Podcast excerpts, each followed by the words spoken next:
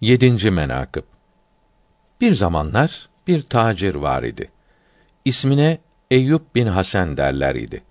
Padişahlardan birine bazı kumaş ve meta satmak için huzuruna varır. Tesadüfen o sırada padişah Emirül Müminin Ebu Bekr, Ömer ve Osman radıyallahu teâlâ anhüm hakkında uygun olmayan kötü sözler söyler. Tacirin gönlüne bu sözler hoş gelmez. Padişaha nasihat etmek ister. Sonra o sultanlara, üç halifeye dil uzatan zalimlerden hayır gelmez. Belki söylersem beni öldürür deyip işini görüp gider. O gece server alem sallallahu teala aleyhi ve sellem hazretlerini rüyasında görür. O padişahı da orada huzurlarında durmuş görür.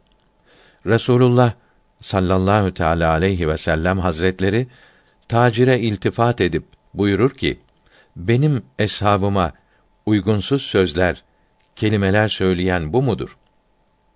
Evet ya Resulallah diye cevap verdik de bunu katleyle diye öldürülmesini emir buyurur. Ben dedim, Ya Resulallah, bir nesne yoktur ki onu katledeyim. Resul Ekrem Hazretleri tacirin eline bir bıçak verir. Tacir de emri şerifine itaat edip şahsı boğazlar.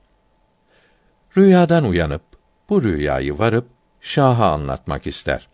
Sarayının kapısına varır ki ağlamak ve feryat sesleri işitir.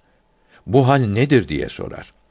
Cevap verirler ki bu gece padişahı yatağında katletmişler.